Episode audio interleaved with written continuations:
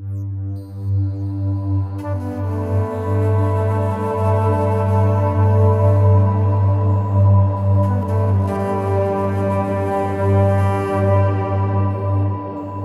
بكم في حلقة جديدة من بودكاست عين العقل. معي أنا ميساء العمودي.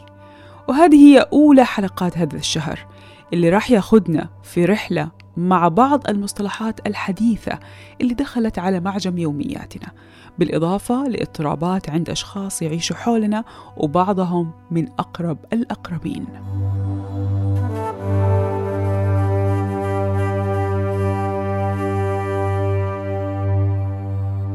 أكيد ما بنمارس نميمتنا عليهم هنا وإنما راح أحاول أعرف مع ضيفة الشهر مين هدول الأشخاص وكيف المفروض نتعامل معاهم عشان ننجو ونطلع من علاقتنا فيهم بأقل خسائر ممكنة.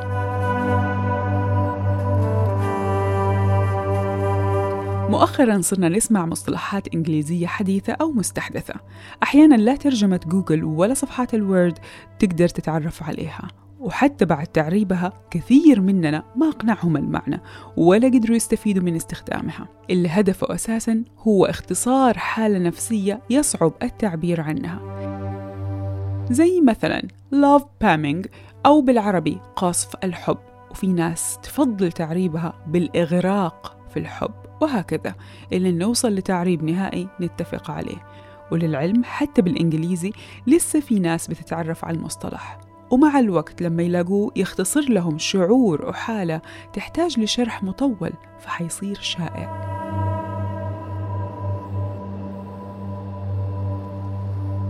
غوستينج أو الشبحية وهي حالة ممكن يسميها الجاني من طرفه الانسحاب بهدوء بس من طرف الضحية هو شبحية اختفاء بدون أي سابق إنذار.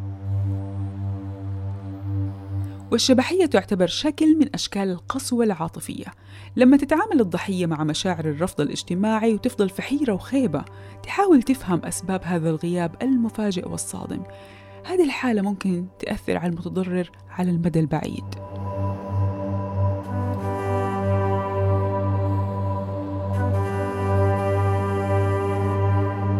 جاز لايتنج أو التلاعب بالعقول كلمتي المفضلة وهو أسلوب ممكن اختصاره بثلاث جمل. أبدا ما صار ده الشيء. أكيد تخيلته. وبصيغة سؤال أنت مجنون؟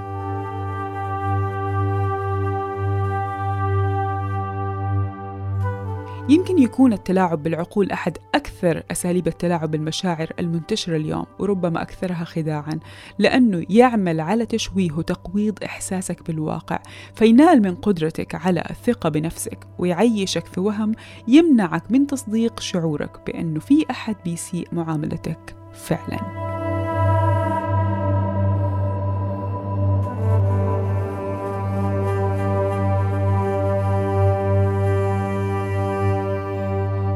هذه نماذج من مصطلحات دخلت على معاجم اللغات حول العالم وبتمر علينا من خلال منشورات في مواقع التواصل الاجتماعي ويمكن البعض اهتم وبحث عن معانيها. مقابل آخرين أتجاهلوها واعتقدوا أنه قصور في معرفتهم باللغة الإنجليزية. لذلك حان الوقت للتعرف عليها وعلى استخداماتها وإذا كنا نحتاجها فعلا أو لا.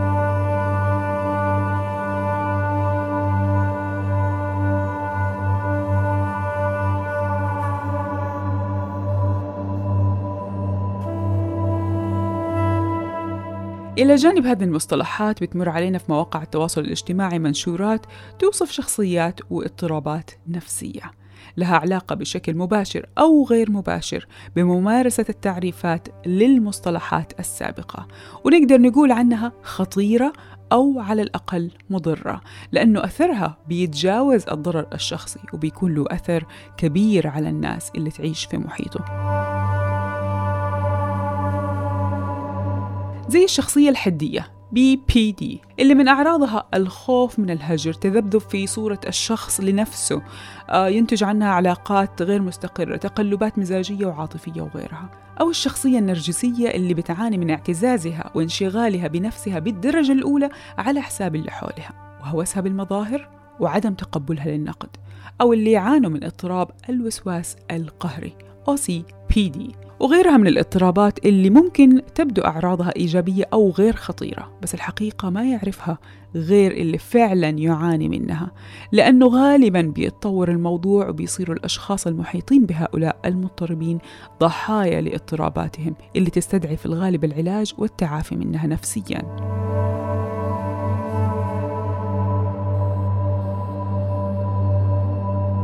لذلك هذه الاضطرابات هي موجودة في أشخاص ممكن يكونوا حولنا ونكون ضحايا لهم بدون ما نعرف. وللأسف حتى الغالبية منهم كمان ما يعرفوا أنهم يعانوا من اضطرابات.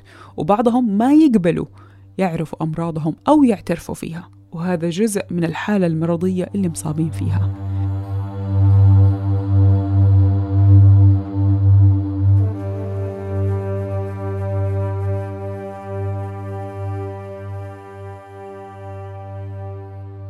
والآن وبعد ما تذكر البعض مننا أشخاص مروا عليهم بهذه المواصفات أو ما زالوا حولهم فراح نتوسع ونفهم أكثر تفاصيل هذه الاضطرابات وكيف ممكن نتعامل معهم وكيف ارتبطت فيهم المصطلحات والتعريفات الجديدة اللي تختصر الكثير من مشاعر الضحايا. مع ضيفة الشهر خبيرة التنمية البشرية اللي تابع موادها المميزة من سنوات مروة كرورة. إلى اللقاء.